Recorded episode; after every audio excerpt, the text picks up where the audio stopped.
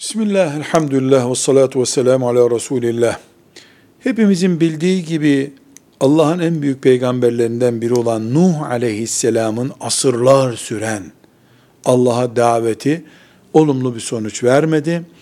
Allah'a davetin bir işe yaramayacağı anlaşılınca da o toplum, o millet cezalandırıldı. Bu cezalandırma büyük bir tufanla oldu. Allahu Teala e, Nuh Aleyhisselam'a bir gemi yapmasını emretti. İman edenlerle beraber gemiye bindi. O gün dünyada var olan hayvanlardan erkek ve dişi birer çift gemiye alındı ve o binme, gemiye binme işi bittikten sonra e, gerisi, insanlığın gerisi, varlığın gerisi büyük bir tufana maruz kaldı. Yani yerden su fışkırdı, gökten su aktı.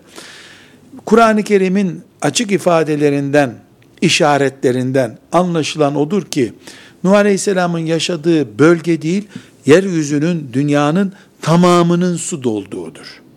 Dünyanın tamamını su dolmuştur. İnsanlığın tamamı helak olmuştur. Geri kalan kısmı helak olmuştur. Neden, nasıl, niye, ne zaman bunları Allahu Teala'dan başkası bilmez. Kıyamet günü cennette bunları öğreniriz. Ondan sonra e, gemiye binmiş olan müminler de geminin karaya oturmasıyla beraber tekrar hayata döndüler ama zamanla onlar hepsi öldü. Nuh Aleyhisselam ve çocuklarından bugünkü insanlık yeniden türedi. O yüzden Nuh Aleyhisselam ikinci babamız gibidir. Ve sallallahu aleyhi ve sellem ala seyyidina Muhammed velhamdülillahi rabbil alemin.